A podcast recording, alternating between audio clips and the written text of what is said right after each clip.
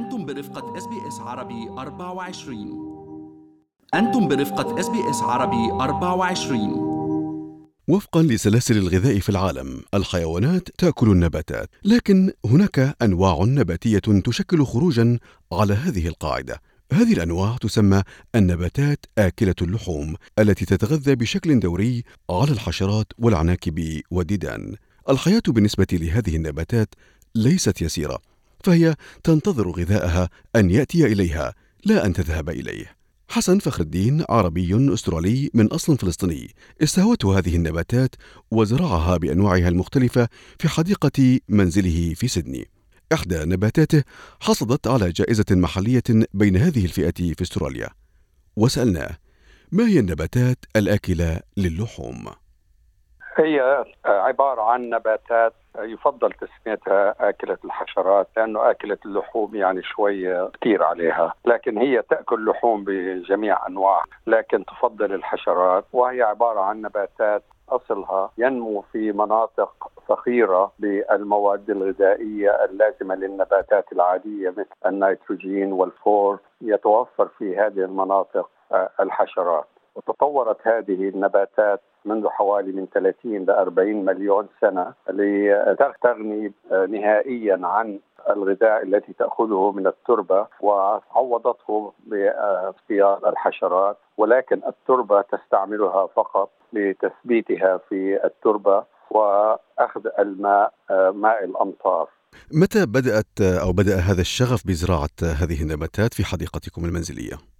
الحقيقة بديت أنا من حوالي 20 سنة بأنه شريت نوع اللي هو فينا صائد الذباب وهو المعروف. بعد ما شريته لما إجا فصل الشتاء لقيته إنه مات ورميت استغربت يعني إنه كيف هذا مات لأنه أنا عملته مزبوط فاكتشفت على إنه هو في موطنه الأصلي هي أمريكا الشمالية يدخل في فترة بيات شتوي.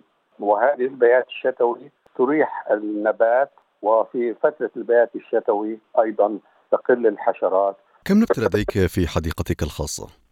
آه هناك آه أنواع كثيرة من هذه النباتات صعب أنه يكون عندك جميع الأنواع آه لأنه في أنواع صعب أنها تنمو في سيدني طيب على ذكر نجاح النبتة وعدم نجاحها شو شروط نجاح تكاثر هذه النباتات وكيف يمكن زراعتها وتربيتها؟ طبعا توفر لها البيئة اللي هي تنمو فيه أصلا في بلادها الأصلية، فمثلا التربة التربة العادية لا لا تنفع ابدا لأنه فيها مواد أسمدة أو أي شيء زي الحديد والأشياء هاي كله هذا استغنت عنه وأصبحت تأخذ ما ما تلزمها من الحشرات، فلازم يكون مثلا تربة لكل نوع نوعية خاصة تحاكي نفس التربة التي تنمو في بلادها الأصلية. طيب ما فائدة هذه النباتات في الحديقة أو حتى في الطبيعة؟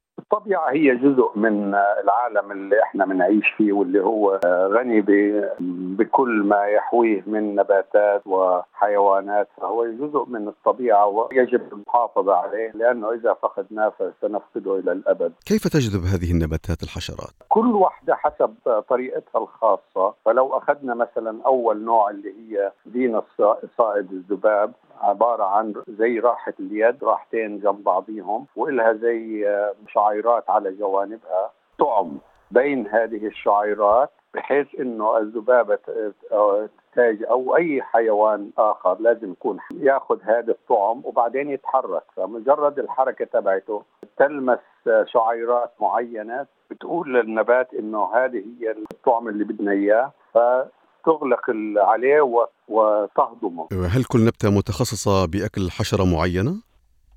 لا هي يعني أي حشرة بتحط لها بس إذا حطيت لها قطعة لحم أو اللي هو ما بتتقبلها بتروح بتفتح لأنه أنت زي خدعتها. فهي بتفتح مرة ثانية وما بتتقبل اللي حطيت اللي هي قطعة لحمة أو حتى حشرة ميتة أو اللي هو.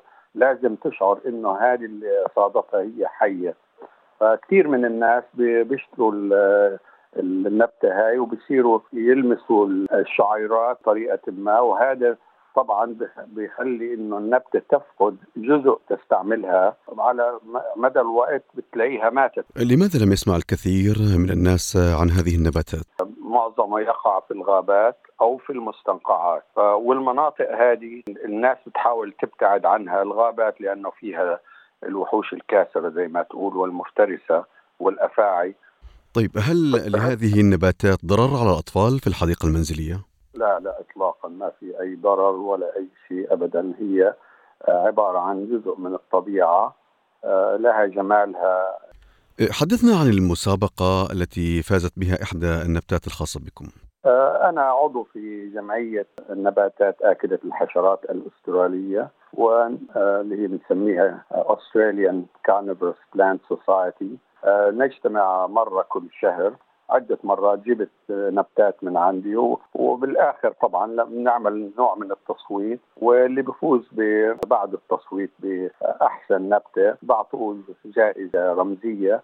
أستاذ حسن ذكرتم لنا نوع واحد الآن من صائدات الحشرات. ما هل هناك أنواع أخرى؟ طبعا هناك أنواع كثيرة. يعني ببلغ عدد السبيشيز أو ال ال الأنواع فوق ال 700 نوع حاليا ويكتشف باستمرار أنواع مخ... آه، مع الوقت.